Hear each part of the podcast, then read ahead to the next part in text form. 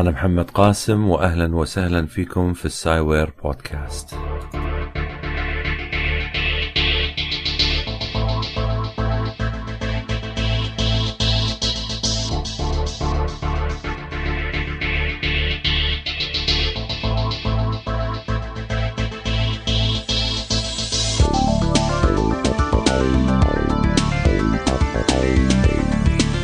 البودكاست هذا راح يتناول العلم والتكنولوجيا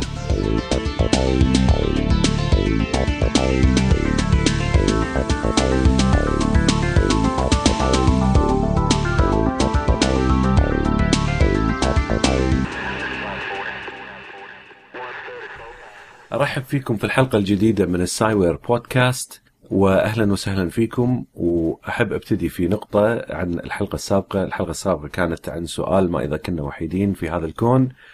ومن الصدف إني لقيت على موقع البي بي سي العربية نفس السؤال هذا التساؤل طرحوه بعد ثلاثة أيام من البودكاست، طبعا أنا أتوقع إن هذا مجرد مصادفة، لكن جميل إن توافقنا في وضع نفس السؤال، أنا حطيت حتى السؤال يعني طبعا البودكاست عملته بثلاثة أيام قبل لا يضع البي بي سي هذا السؤال وأجاب عليه الكثير من الناس. وبعدها أنا بعد البودكاست بيومين وضعت السؤال أيضا على موقع الفيسبوك وأيضا حصلت على إجابات طبعا لا تقارن عدد الإجابات بالإجابات اللي تحصلها على البي بي سي لشهره البي بي سي والبي بي سي بعد يوم واحد من وضعي للسؤال على الفيسبوك وضعت أيضا السؤال هذا نفسه وطرحته للناس. الإجابات اللي تحصلها على الموقع موقع البي بي سي كثيرة على هذا التساؤل والكثير منها للأسف يرفض فكرة أن تكون هناك حياة أخرى ذكية على الكواكب المختلفة اللي موجودة في هذا الكون. أنا ما أدري ليش إحنا عندنا هذه النظرة النظرة السوداوية لما يتواجد في الكون وليش لازم العلم يتوقف عن النظر والبحث عن هذه الأمور بس لأن إحنا عندنا مشاكل على الأرض ولازم نقضي على المشاكل وطالما أن هذه المشاكل موجودة اذا العلم لازم يتوقف عن البحث. يعني هذا الكلام لو كان موجود في الغرب لو هذه النظرة موجودة في الغرب لكان العلم كله توقف والسبه إن إحنا لازم نعالج جميع المشاكل اللي عندنا على وجه الأرض قبل لا نحاول إن نطور من أنفسنا من الناحية العلمية. فلذلك يعني أنا أقول بالعكس خلوا العلماء ينطلقون خلوهم يبحثون يعني مو خسرانين شيء بالعكس يعني واحدة من الأمور اللي الحين العلماء قاعدين يشتغلون عليها هي قضية الدفاع عن الأرض. الدفاع عن الأرض مو من يعني كواكب أخرى عليها حياة ذكية لا من نيازك ومن شهب وغيره. فتخيل لو إن مثلا شهاب ضخم أو نيزك يتجه إلى الأرض ممكن يدمر الحياة كلها على الأرض. فليش إحنا نفكر بالنظرة هذه إن لازم ما نبحث وما نشوف الفضاء وما نصرف على هالأمور هذه؟ هذه أمور بالأخير تنتج منها نتيجة أو نتائج طيبة منها الحماية حماية البشر نفسهم. أوكي هذه بالنسبة للنقطة الأولى. النقطة الثانية اللي هي أنا كنت قايل على موقعي على الفيسبوك إني راح أتكلم عن موضوعين. عادة على الفيسبوك أنا أقول شو المواضيع اللي راح أتكلم فيها؟ فكنت متكلم إن أنا راح أتكلم عن موضوعين وهذين الموضوعين هم خوارزمية الجينات والموضوع الثاني كان عن ال Windows Phone 7 اللي ظهر قبل أسبوع أو يوم الاثنين في المعرض في إسبانيا في برشلونة. فالحين أنا غيرت رأيي لأن الموضوع الأول طويل وغيرت العنوان إلى عنوان جديد اللي هو نتعلم من الحيوان كيف نعالج أعقد المسائل الرياضية. فبدل ما إني ما أوفي حق الموضوع الأولاني قررت إني أترك الموضوع الثاني لحلقة مقبلة وأتكلم عن قضية معالجة المسائل الرياضية المعقدة بالطرق اللي تستخدمها الحيوانات أو الطبيعة في الحياة. فخلونا نبتدي في الحلقة الجديدة عن هذا الموضوع. في مواضيع كثيرة ومسائل معقدة رياضية ما تنحل بالطرق التقليدية فالعلماء شنو يستخدمون يستخدمون أشياء موجودة في الطبيعة حاليا موجودة في الحيوانات موجودة بالفطريات موجودة في طريقة تعامل الحيوانات بمجاميعها للتغلب على كثير من الصعاب اللي موجودة في الحياة فمثلا خل أعطيكم مثال مستعمرة أكو شيء يسمونه مستعمرة النمل للتحسين هذه هذا موضوع يستخدم لعلاج الكثير من المسائل الصعبة. في الطبيعة أكو الكثير من الحيوانات الحية عندها القدرة على إيجاد حلول لأمور تعتمد عليها للعيش للحياة يعني الاكل مثلا البحث عن الأكل. مثلا لو أنا أعطيك مثال لو تراقب النمل النمل لما تكتشف يعني خلينا نقول أكو نملة تكتشف طعام على مسافة من آه، منزلها أو مكانها يعني خلينا نقول. لو فرضنا إن أكو عدة طرق للوصول إلى الطعام. مو طريق واحد عدة طرق. نفترض إن الطرق هذه تختلف بالطول فيما بينها. فتلاحظ إن النمل يمشي في المسارات اللي تودي أو تؤدي إلى الطعام هذا.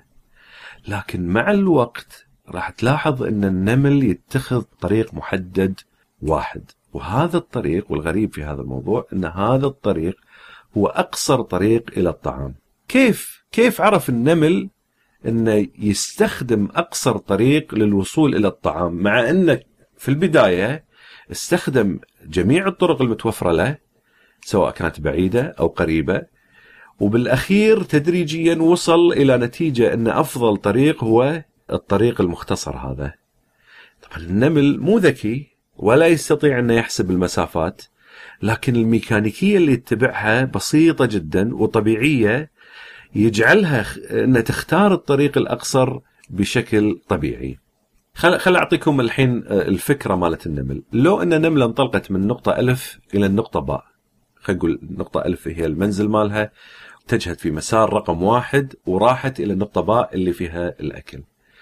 لما تمشي النملة حتى النقطة باء في هذا المسار واحد تترك أثر.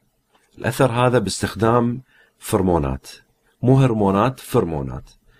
الحين لنفترض أن نملة ثانية طلعت وانطلقت من ألف إلى باء إلى الطعام باستخدام طريق رقم اثنين وأيضا هذه النملة راح تترك فرمونات على الطريق شو اللي يصير بعدها؟ الحين هم لما يرجعون مرة ثانية للنقطة ألف، النمل الثاني يعرف إن أكو مأكل موجود على مسافة منها راح يطلع ويتحرك من مكانه ويتخذ هذيل المسارين طريق لهم بحيث إنه يوصلون إلى الأكل. الحين النمل في البداية يأخذ الطريق رقم واحد وياخذ الطريق رقم اثنين إلى أن يصل إلى الأكل.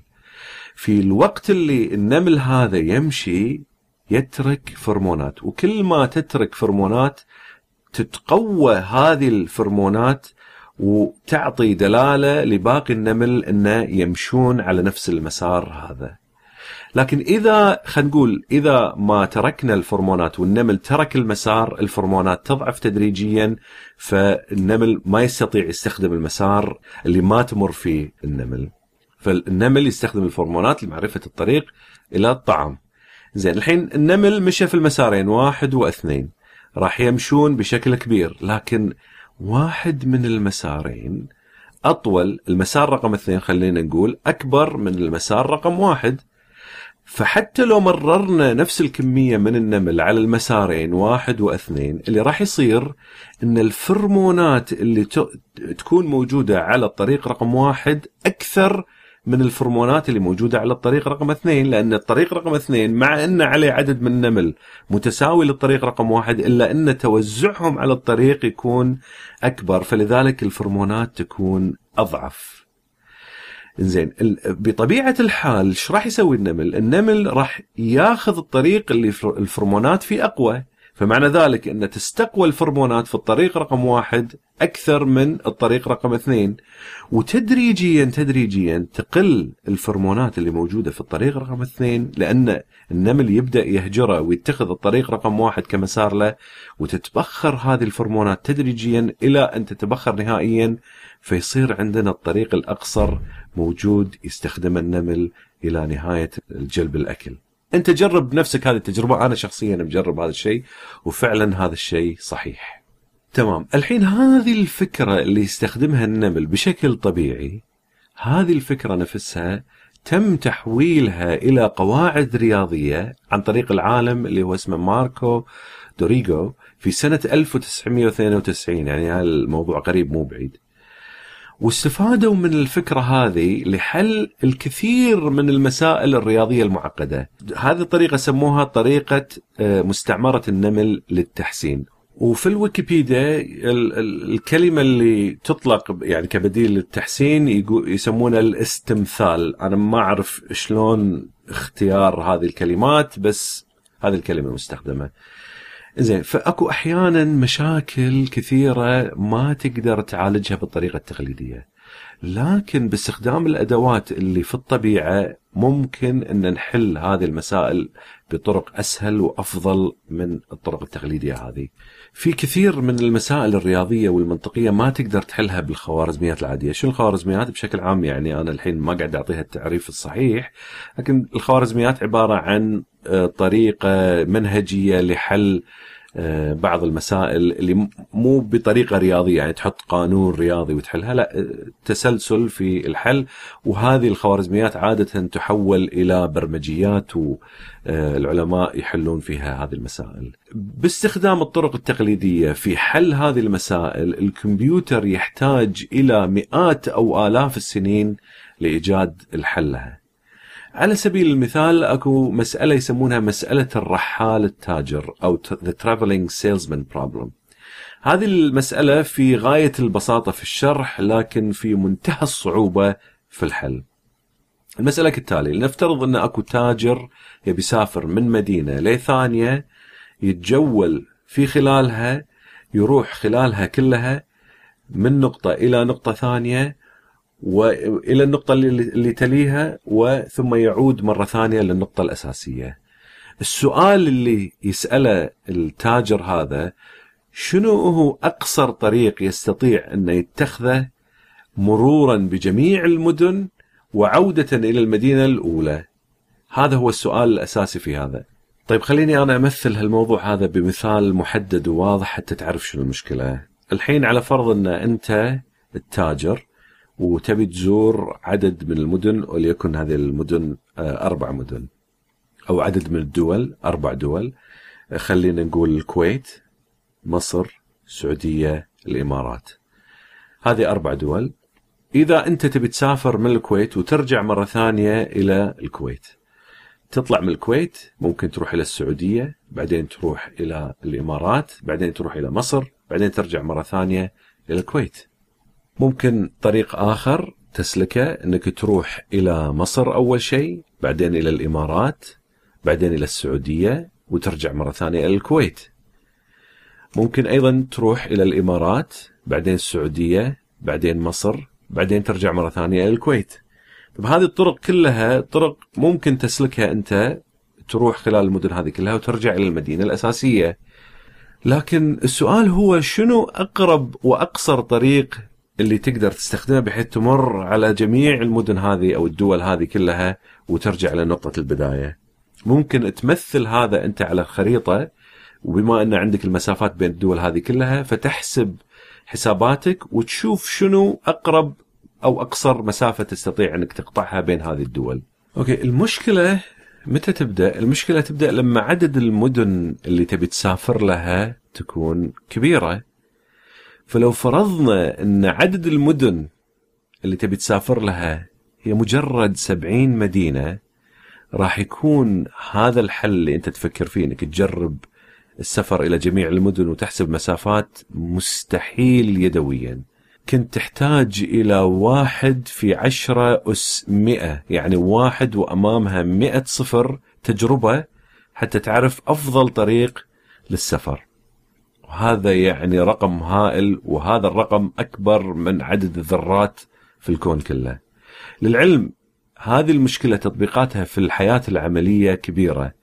يعني أنا يمكن قلتها على أساس إنها هي travelling salesman problem أو مسألة الرحال التاجر لكن تطبيقاتها تدخل في مجال صنع الدوائر الإلكترونية وتدخل في سلسلة الجينات وفي التخطيط وحتى في عملية إيصال الطرود عن طريق مثل شركات مثل DHL لما تبي توصل الطرود إلى البيوت شنو الطريق اللي تسلكه بحيث انه ما تصرف بنزين كثير؟ فهذه الفكرة لها تطبيقات عملية. فحتى الكمبيوتر لو أنه بيشيك أو بيحسب المسافات ل 70 مدينة بطريقة متكاملة يعني يحسبها كلها مثل ما ذكرت أنا بالمثال كان راح يستغ... تستغرق العملية سنوات كثيرة وحتى أنه ما يستطيع أصلا يحلها بالطريقة هذه.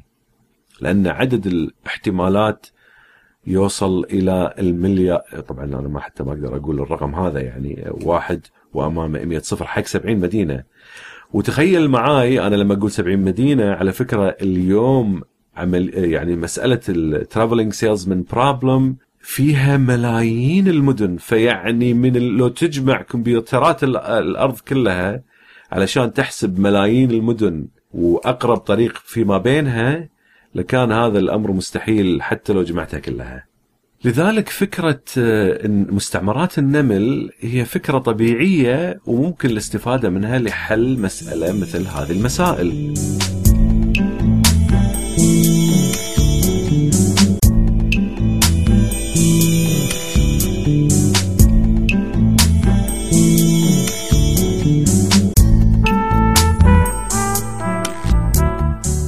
الطريقة الثانية لعلاج المسائل المعقدة يسمونها بخوارزمية الجينات أو جينيتك algorithms. خوارزمية الجينات تعتمد على بيولوجيا التطور. بيولوجيا التطور أصلها جاي من نظرية التطور. أنا أدري أن الكثير من الناس آه، ما تحب آه، الخوض في هذا الموضوع وأنا ما راح أخوض فيه صراحة لأن النظرية شائكة وحساسة لكن راح أتكلم عن البرمجة حق الفكرة هذه. هي فكرة فعلا عبقرية وتعالج الكثير من المسائل المعقدة.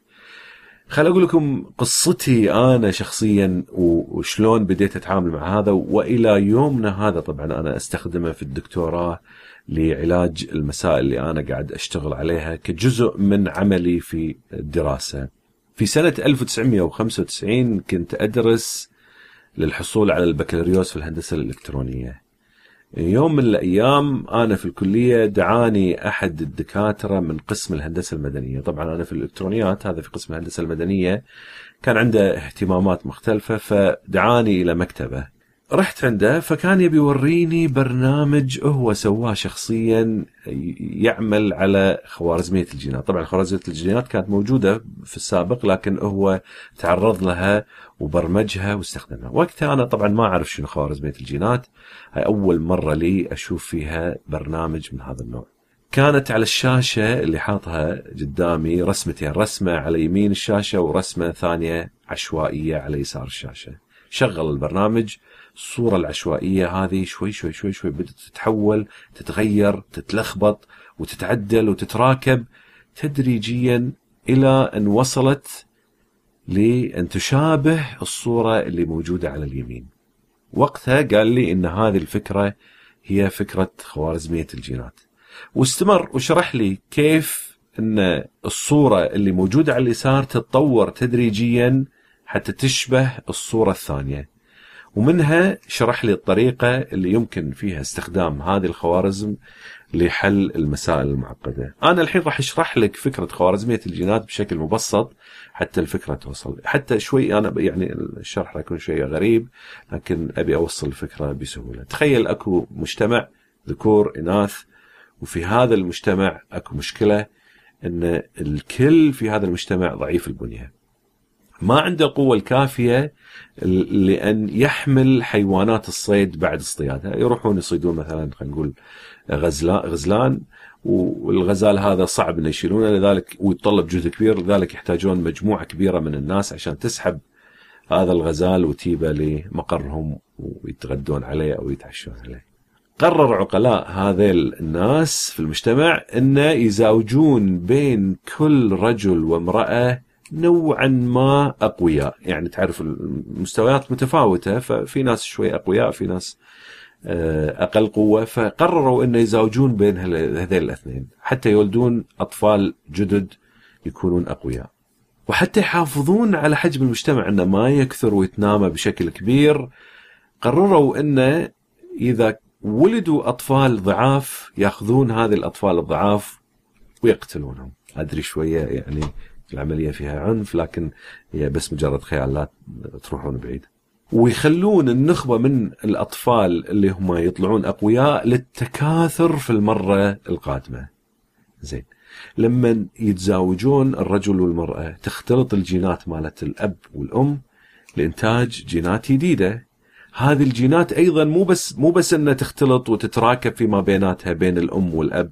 لا أيضا هذه تتأثر بطفرات بسيطة تعدل على الجين شوية حتى ما يكون فقط صفاته جاية من الأم والأب لا تصير طفرة تختلف شوية تعدل على الجين ويطلع لنا طفل إما يكون ضعيف أو قوي أو متشابه لآبائه. لما يولدون هالأطفال في هذا المجتمع يقوم المجتمع باختبار قوتهم، فإذا كانوا أقوياء يأخذونهم يكبرونهم ويزوجونهم، وإذا كانوا ضعاف أنت تعرف نهايتهم. مع الوقت التلاقح هذا والطفرات اللي تصير بالجينات والاختيار انه يختارون الأفضل في المجتمع تدريجيا راح تبدأ أجيال جديدة تظهر أقوى من الأجيال السابقة مع مرور الوقت راح يكون في المجتمع أفراد عندهم القدرة على حمل الصيد. وهذه الفكرة هي بكل بساطة فكرة خوارزمية الجينات. الحين لا تروح على نظرية التطور رجاء. أنا مو داخل في هذا الموضوع. أنا قاعد أحاول أتكلم عن فكرة برمجيات آه، برمجة الخوارزميات. فهذه الفكرة البسيطة هذه ممكن برمجتها على الكمبيوتر وهي حتى يعني عملية برمجتها على الكمبيوتر آه، مسألة بسيطة جدا. تعلمتها وبرمجتها شخصيا حتى إني أتسلى في هذا الموضوع. بعد مرور الوقت اتصل في فيني والدي من الكويت. وقتها أنا كنت أدرس طبعا في أمريكا وطلب مني إني أحل لغز معقد. طبعا أنا في المستقبل بس أحب أقول لكم انه راح أخصص بودكاست للألغاز لأن هذا هم من الأشياء اللي أنا أحبها وتنمي الألغاز تنمي المنطق عند الإنسان والفكر. ف عموما أنا الحين ما أتذكر تفاصيل اللغز لكن كان يتطلب مني إني أحاول احله بشيء يسمونه بروت فورس يعني بالقوة إني أحل أحاول أشوف جميع الاحتمالات والاحتمالات كانت كثيرة جدا حتى أوصل للحل المناسب. قررت إني أجرب خبرتي الجديدة هذه في البرمجة برمجة خوارزمية الجينات. فعلا برمجت خوارزمية الجينات وحليت اللغز لقيت الحل في خلال ثواني. ممتاز. اتصلت على طول مباشرة بالوالد وقلت له بالحل ما صدق طبعا إني اعطيته الحل بهذه السرعة. طبعا بعدها قررت إني أسوي مشروع التخرج مالي وأقدمه في آه، موضوع معين. الموضوع الحين بقول لك عنوانه آه، لا يخوفك. موضوع بسيط أشرح لك إياه الحين. كانت الفكرة إني بحاول موازنة البندول المقلوب باستخدام الخلايا العصبية الصناعية. اللي يتم تطويرها باستخدام خوارزمية الجينات. عنوان طويل أنا أدري لكن الفكرة بسيطة. خل أشرح لك الفكرة. واحدة من الأشياء اللي آه، أنت تسويها وأنا أسويها وغيرنا يسويها بكل سهولة ومن غير أي جهد إنك تسوي توازن لعصات على راحة إيدك. جرب انت أنا أنا يعني أتوقع اغلب الناس مجربين هالشغله ياخذ عصات على ايدينه ويحركها طبعا العصات أول ما تحطها على ايدينك بشكل افقي العصات بشكل طبيعي تميل لتسقط فأنت شو تسوي؟ تحرك ايدينك بحيث إنك توازن هذه العصات. كل ما مالت العصات هذه بقوة أنت تتحرك أيضا بقوة من تحتها علشان ما تخليها تطيح. إذا أنت أول مرة تجرب الشغلة هذه في المحاولة الأولى في الغالب العصاية هذه راح تطيح. لكن مع كل محاولة قدرتك على موازنة العصات تتحسن إلى أنك لين أنك توصل لمرحلة إن العصات هذه ما تطيح ما تسقط على الأرض نهائيا. طبعا لا ت... أوكي لا تستغرب المشروع شوية غريب وشغل يعني كأنه شيء سخيف. شنو شنو فائده موازنة عصات؟ خل خل أقول لك شنو فائده موازنة العصات على الإيد في الحياة العملية. شغلة من الشغلات اللي يسوونها اللي هي عملية التحكم في الصواريخ. الصواريخ لما تنطلق في السماء الدفع يلها من الأسفل. فبطبيعة الحال أنت مثل العصاية هذه طبيعة الحال أنت لما تندفع من الأسفل الصاروخ يبي يميل ويسقط إلى الأسفل.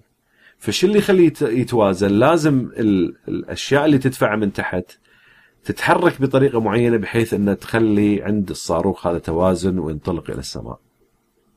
زين؟ هذه واحدة من الأشياء اللي تستخدم. حتى الكرينات اللي تنحط في البحر هذه على منصات متحركة تحتاج لموازنة لأن خصوصا إن هي تشيل بعض الأوزان الثقيلة فتحتاج إلى موازنة حتى ما تطيح. أعطيك مثال ثاني يمكن حتى موجود هذا كمثال تجاري في آه، اللي هو ال scooter ال Segway الجهاز اللي تركب عليه في عجلات على الجانبين. إذا ما شفته أنا حطيت link على الموقع مالي لل Segway تستطيع انك تشوفه. مثل شيء تركبه وبدل ما تكون العجلتين آه، يعني في خط واحد العجلتين على الجانبين والمفروض انت لما توقف عليه السكوتر هذا يقع على الأرض لكن بسبب استخدام قوانين رياضية يستطيعون ان يسوون له توازن. زين الحين نرجع مرة ثانية للشغل اللي أنا كنت أشتغله المشكلة إن أنا كنت أبي أسوي الحركة اللي تماثل البندول المقلوب هذا أبي شلون أقدر أسويها لأن أنا ما أبي أروح أصنع بندول حقيقي اسويه آه، بحيث ان أسوي له توازن آه، هذا مجهود ثاني غير إن أنا أصلا بسوي له عملية الخلايا العصبية الاصطناعية وبسوي له الخوارزمية مالت الجينات. فرحت المكتبة وبحثت في الكتب أدور عن قانون اللي هو يمثل قضية البندول المقلوب حتى أستطيع إني أبرمجه أسوي له سيميوليشن أو تماثل يعني تشوف صورة متحركة لهذا الشيء بس معتمد على قوانين رياضية دقيقة تش... توصف هالحركة هذه. فرحت ولقيت كتاب اسمه خوارزمية البرمجيات مو الجينات خوارزمية البرمجيات. هذا المؤلف ماله اسمه جون كوزا وفي الكتاب لقيت إنه هو وضع حل لهذه المشكلة البندول المقلوب باستخدام خوارزمية البرمجيات. لقيت ضالتي استخدم القوانين طبعا كان عنده قانون فيزيائي طويل عريض مالي الصفحة كلها يسوي تمثيل لحركة البندول المقلوب. فأخذته وبرمجته وصار عندي حركة للبندول المقلوب مثل ما تشوف في ال graphics برامج ال graphics وال games ومن هالأشياء هذه. فزين الحين أنا برمجت هذا الشيء. الحين أخذت سويت برنامج ثاني للخلايا العصبية مثل خلايا المخ لكن خلايا عصبية اصطناعيه بالبرمجة. هذه الخلايا المفروض إنها تتحكم في عملية تحريك البندول بحيث إنه ما يقع. زين. بعدها وبدل ما إني أجعل طريقة التعليم أنت الحين مثلا العصايه لما تمسكها في إيدك وتحركها أنت قاعد تتعلم من خلال التجربة اللي تشوفها أمام عينك والمخ يتعلم بطريقة معينة. آه، يمكن يوم من الأيام هم أشرح آه، قضية الخلايا العصبية الاصطناعيه زين فالحين هذا البرنامج يتعلم لكن ما يتعلم بالطريقة هذه يتعلم باستخدام خوارزمية الجينات. يعني خوارزمية الجينات تطور خلايا المخ بحيث إن خلايا المخ تستطيع أن تتحكم في البندول المقلوب. وأنا طبعا الكتاب اللي لقيته هذا كتاب أسود كذي عريض ومليان صفحات يمكن في حدود 800 صفحة وأسود كذي ومغطى لا صورة عليه ولا شكله غريب يعني ولكن استمتعت بالكتاب وقريته من صف من أول صفحة إلى آخر صفحة. فعلا أعجبت بهذا الكتاب الرائع. يوم التخرج دخلت إلى قاعة آه، اللي القاعة اللي بقدم فيها البرنامج مالي وكان فيها دكاترة ومدرسين مليان القاعة يعني. وبديت أشرح الفكرة وطريقة العمل. ولما انتهيت من الشرح شغلت البرنامج حتى أوريهم أمام عيونهم شلون البرنامج هذا يشتغل. شلون طبعا يشتغل البرنامج؟ في البداية البندول هذا أول ما تشغله البندول يميل للسقوط. فيحاول يوازن لكن يفشل. لكن الخلايا العصبية تتطور باستخدام خوارزمية الجينات. مع كل تجربة جديدة الخوارزمية تطور الخلايا آه، تدريجيا لين وصلت إلى مرحلة إن البندول المقلوب ما يطيح نهائيا ويبدأ يهتز في مكانه ويتحرك بطريقة بحيث إنه ما يخلي هذا البندول المقلوب يقع ابدا. عيون عيون الدكاترة والطلبه آه، تسقط في هذه الشاشة هذه اللي أنا كنت أشرح عليها وانتهيت من الشرح وما حد منتبه الكل مندمج في البرنامج العجيب هذا و... ولا حتى واحد منهم آه، رد علي. يعني آه، كلهم كأنهم مبهورين باللي شافوه. لين حركت ايديني بالهواء كذي آه، يعني أحاول إني أناديهم وأقول لهم إني انتهيت. مرة واحدة طبعا استفاقوا وبدأوا يصفقون لي وكان يوم شيق جدا وفعلا استمتعت فيه لأن كانت تجربة جديدة. طبعا القصة ما تنتهي عند هالنقطة هذه لكن بعد 12 سنة وفي يعني بالتحديد في السنة قبل الماضية في سنة 2008 رحت آه، إلى مؤتمر عن الحسابات التطورية. فانغمست أنا في المحاضرات اللي كانت موجودة. يقدمون محاضرات workshops في المؤتمر هذا عن خوارزميه الجينات مستعمرات النمل سرب الجسيمات particle swarm optimization بشكل سريع كذي على أساس أقول لكم هم هذه particle swarm optimization أو سرب الجسيمات للتحسين هذه هم طريقة ثانية لحل مسائل معقدة. شنو الفكرة مالتها؟ تعتمد على حركة السرب مثل الحيوانات مثل النحل اللي يطير مع بعضه أو مثلا لما تشوف الأسماك الصغيرة اللي في البحر شلون تحوم وتطير آه وتسبح عفوا في آه مجموعة كبيرة أو أسراب الطيور. وحتى حطيت لك موقع آه عفوا حطيت لك آه مقطع لليوتيوب تستطيع إنك تشوف سرب من الطيور يعني شكل مذهل لهم وهم يطيرون. في السماء ويشكلون أشكال مختلفة. هذه كلها تعتمد على قوانين رياضية أو حطوا لها مثلوا لها قو... مثلوها بقوانين رياضية. حتى ال... واحدة من المحاضرات اللي أنا حضرتها هناك لدكتور كان يبين قضية السرب هذا وشلون استخلصوا منها القوانين واستخدموها لعلاج المسائل المعقدة هذه. فالمهم أثناء تجولي في الممرات أبي أدور محاضرات معينة أنا أكو مجموعة محاضرات كنت حاطها في كانت محاضرات تشتغل في يعني المحاضرين فيها يتكلمون في نفس الوقت. وأنا قاعد أطالع الجدول مال المحاضرات المختلفة اللي كانت موجودة وقتها كنت أدخ يعني كنت أحاول إني أختار أفضل محاضرة أستفيد منها. فقررت إني أدخل واحدة من المحاضرات أختلس لي نظرة إذا عجبتني المحاضرة ظليت فيها وإذا هذا انطلقت إلى محاضرة ثانية. بطلت الباب بشكل خفيف وقبل لا أدخل القاعة المحاضرة كانت بادية، المحاضر رجل في الخمسينات من عمره، رجل فعلا مرح آه، كل كلمة والثانية آه، يقط له نكتة مضحكة. طالعت الشاشة اللي قاعد يشرح عليها بدت لي وكأني أعرفها كأني شايفها من قبل. فقررت إني أدخل القاعة وأجلس وأستمتع بشرح هذا العالم. بعدها وضع صورة ثانية على الشاشة وهالمرة هذه بديت أشك أكثر. يعني هل ممكن يكون هذا الشخص اللي قاعد يشرح هو كاتب الكتاب اللي قريته قبل 12 سنة؟ وكمل وصورة ورا صورة ورا صورة طلعت هي الصور اللي أنا شفتها في هذا الكتاب. وشرح الأشياء اللي كان كاتبها في هذا الكتاب وأكثر طبعا كان عنده كثير من الأشياء اللي سواها بعد هذا الكتاب يعني على مرور 12 سنة كتب ثلاث كتب غيرها وغير الكتب الثانية يعني ثلاث كتب في هذا المجال غير هذا الكتاب. أنا الحين أمام عالم كبير قاعد أطالعه ومنبهر وهذا الشخص كان سبب في نجاحي وتخرجي لولا كتابة أصلا ما كنت أعرف أمثل البندول المقلوب وهو الشخص اللي من خلاله تعلمت بشكل آه، علمي عن خوارزمية الجينات.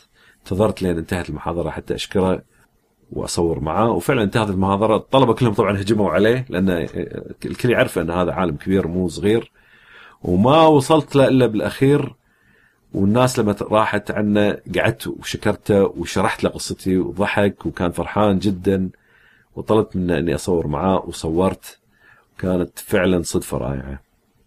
المهم أكو كثير من الأساليب اللي بإمكاننا الاستفادة منها من الطبيعة. والعلماء ما زالوا يبحثون في هذا الجانب عن أشياء تمكنهم من علاج الكثير من المشاكل. حتى قبل أسابيع يعني هذا مو بعيد قبل أسابيع حتى الفطريات استطاعوا أن يمثلون طبيعة عملها بقوانين رياضية لحل مشاكل شبكات مالت القطارات مثل شبكات اليابان وفعلا طلعت حتى يعني الطريقة اللي عالجت فيها الفطريات. شبكة القطارات هي نفس الطريقة اللي موجودة فيها شبكة القطارات اليوم يعني كان هي هي الطريقة الموجودة هي أنسب حل لشبكة القطارات اللي موجودة في اليابان. فمعناته يعني لاحظ يعني هالأمور هذه اللي موجودة في الطبيعة عندها أسلوب لعلاج الكثير من المشاكل اللي إحنا نواجهها اليوم بطرق مناسبة جدا.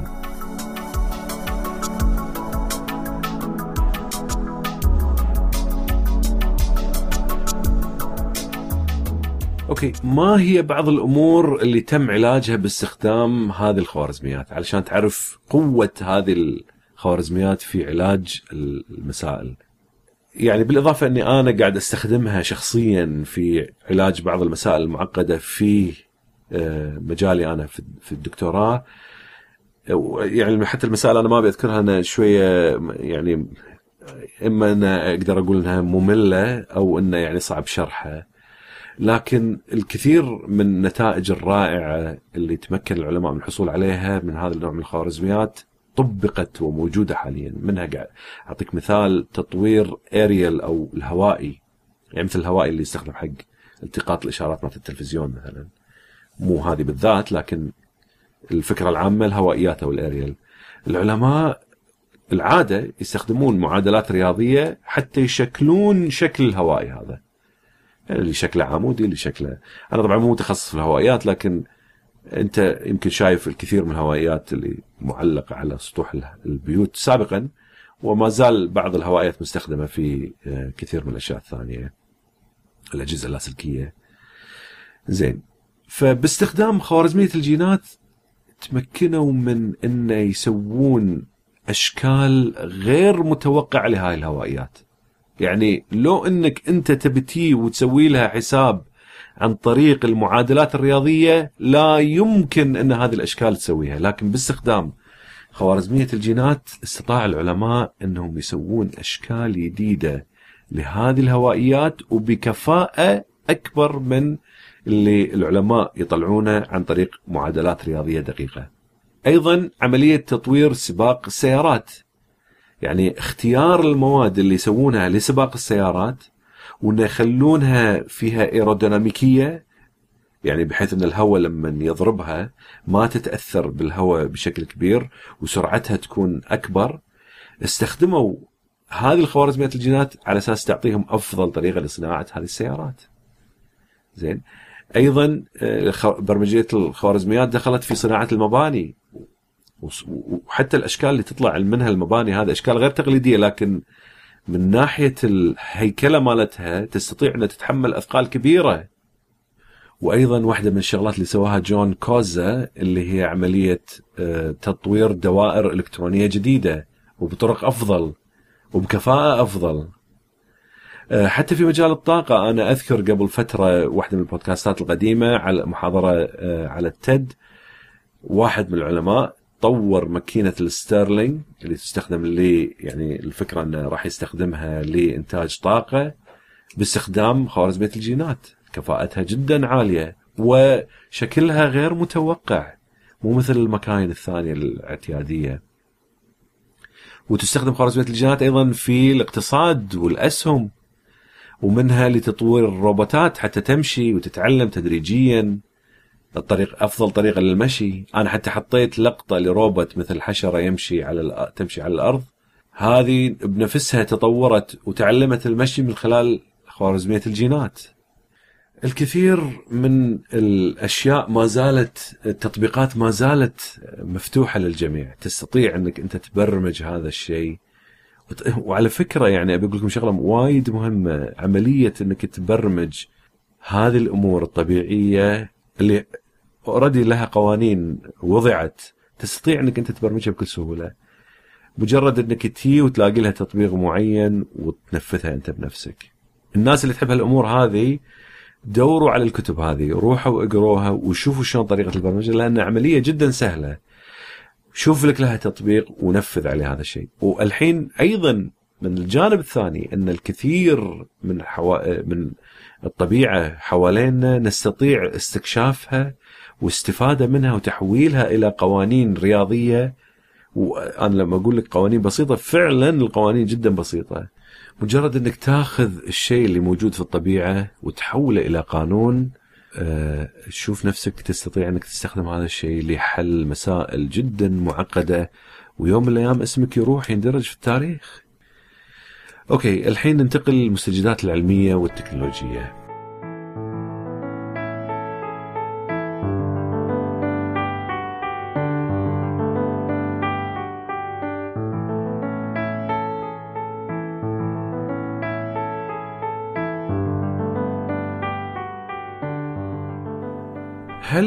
تريد التحكم بالأشياء فقط باستخدام مخك؟ الحين تقدر شركة NeuroSky توفر تكنولوجيا تخليك تستطيع تتحكم بالأشياء عن طريق جهاز تحطه على راسك مثل سماعات الأذن. وهذا الجهاز يقرأ موجات المخ ومن خلال هذه الموجات تستطيع التحكم في ألعاب معينة أو التحكم في تحريك كرة تصعدها وتنزلها أو التحك طبعا عن طريق التركيز والاسترخاء. وهذه الأشياء إنك يعني طبعا هم يركبونها على أشياء ثانية للتحكم فيها. والشركة الحين في محادثات مع برامج تلفزيونية واقعية مثل سرفايفر آه، حتى يسوون مغامرات يكون فيها اللاعبين يتحكمون بأشياء في الأجواء المختلفة اللي حواليهم عن طريق التفكير. فمثلا ممكن يشعل نار أو ينزل جسر أو يفتح باب أو غيره عن طريق هذه الذبذبات اللي موجودة في المخ. صحيح إحنا ما نقدر نتحكم في الأشياء آه، باستخدام المخ مباشرة مثل فيلم آه، فيلم حرب النجوم لكن التكنولوجيا تدريجيا قاعدة توفر لنا هذه الإمكانيات.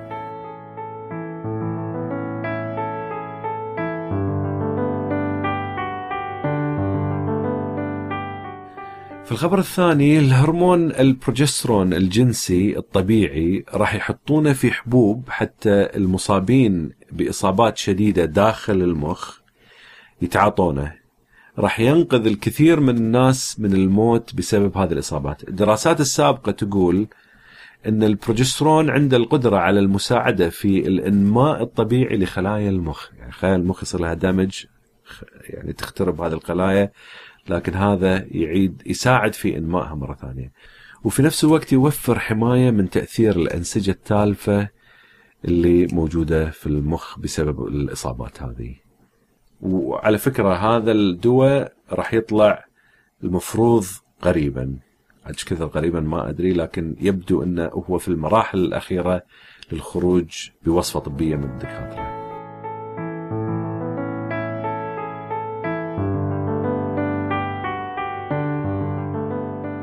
في الخبر الأخير آه، قريته على البي بي سي العربية آه، تقول البي بي سي العربية وأنا شيكت على هالشيء هذا أن محرك الجوجل لما تكتب في كلمة why Arabs أو تكتب why are Arabs لماذا العرب؟ عادة أنت لما تبدأ تكتب شيء بالجوجل هو يكمل الجملة فتطلع لك قائمة هذه القائمة تكمل لك انت شنو قاعد تسأل بحيث انها تعطيك يعني أكثر شيء العادة الناس تسأل عنه. تكملة الجملة هذه راح تكون في غالبها إساءات للعرب. فمنها مثلا طبعا أشياء مو مسيئة مثل لماذا العرب أغنياء ككلمه أغنياء تضاف إلى كلمة واي عربز أو لماذا العرب والإسرائيليين يتحاربون. البعض الآخر من الأسئلة هذه مثل لماذا العرب مشعرين أو لماذا العرب قبيحين أو لماذا العرب عنيفين؟ ولماذا العرب أغنياء؟ ولماذا العرب عنصريين؟ هذه الأسئلة كلها تطلع في قائمة كأكثر أسئلة أو أكثر موضوع تم نقاشه على الإنترنت. طبعا هاي الأشياء إحنا كعرب تضايقنا لكن شو يسوي بالله جوجل؟ جوجل يعتمد على إحصائيات اللي موجودة على الإنترنت. أغلب الكتابات عنه صايرة بهذا الشكل. العالم ينظر لنا كعرب هذه النظرة. فإذا العالم قاعد ينظر لنا بهالنظرة هذه هذا اللي راح نشوفه على جوجل هذا أمر طبيعي.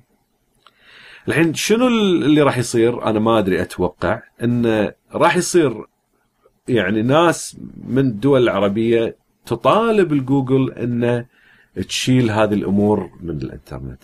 أنا أشوف إن هذا تأثير مؤقت. وطبعا تصير صدامات وغيره وليش ما يحترموننا وليش من الكلام هذا. ف تطالب جوجل شيلوا هذا لأن هذا يحقر العرب وما في احترام. أنا طبعا أنظر للناحية العلمية. أنا بس عندي جملة مهمة اللي هي لماذا العرب أغبياء؟ يا جماعة بكل بساطة تبون هذا السؤال يمحي من وجه جوجل. كل اللي عليكم تسوونه إن تركزون على الجانب العلمي. يا جماعة ما عندنا إحنا شيء نوريه حق العالم. من الناحية العلمية يعني ما أقول لك نهائيا ما في لكن جوجل تعمل الإحصائيات إحصائيات عندها كل ما زاد عدد الإنتاجات العلمية اللي موجودة لنا إحنا بشكل طبيعي راح يصير أكو إحصائيات كثيرة تقول إن العرب عندهم إنتاجات علمية. انتج علميا الإحصائيات تتغير السؤال هذا يتغير من أغبياء يصير أذكياء. بكل بساطة يعني عملية جدا بسيطة. فأنا بما أني أنا أهتم في الجانب العلمي أهتم في تطوير الشباب من الناحية العلمية أقول لكم يا شباب ركزوا على العلم. خلونا نغير كلمة أغبياء إلى الأذكياء بمجرد أن نساهم في تطوير العلم. بس على الأقل خلونا من الأشياء الثانية لأن هاي الأشياء الثانية أنا ما أركز عليها. أركز على الجانب العلمي. يا جماعة ركزوا على الجانب هذا. خلونا نحول الكلمة هذه على الأقل.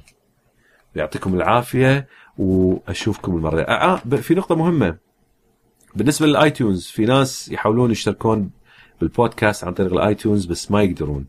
السبب قد يكون إن الدولة اللي أنت مختارها في ال iTunes تكون مثلا الكويت السعودية أو دولة يعني دوله من دول الخليج الإمارات أو مثلا مصر أو غيره.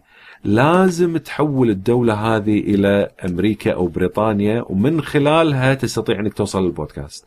أنا ما أدري ليش الدولة آه، آه، لازم تتحول إلى بريطانيا أو أمريكا بس يبدو أن هذا آه، اوتوماتيكيا البودكاست ينزل تحت قائمة الدول هذه لما تسجل وتوضع على الإنترنت.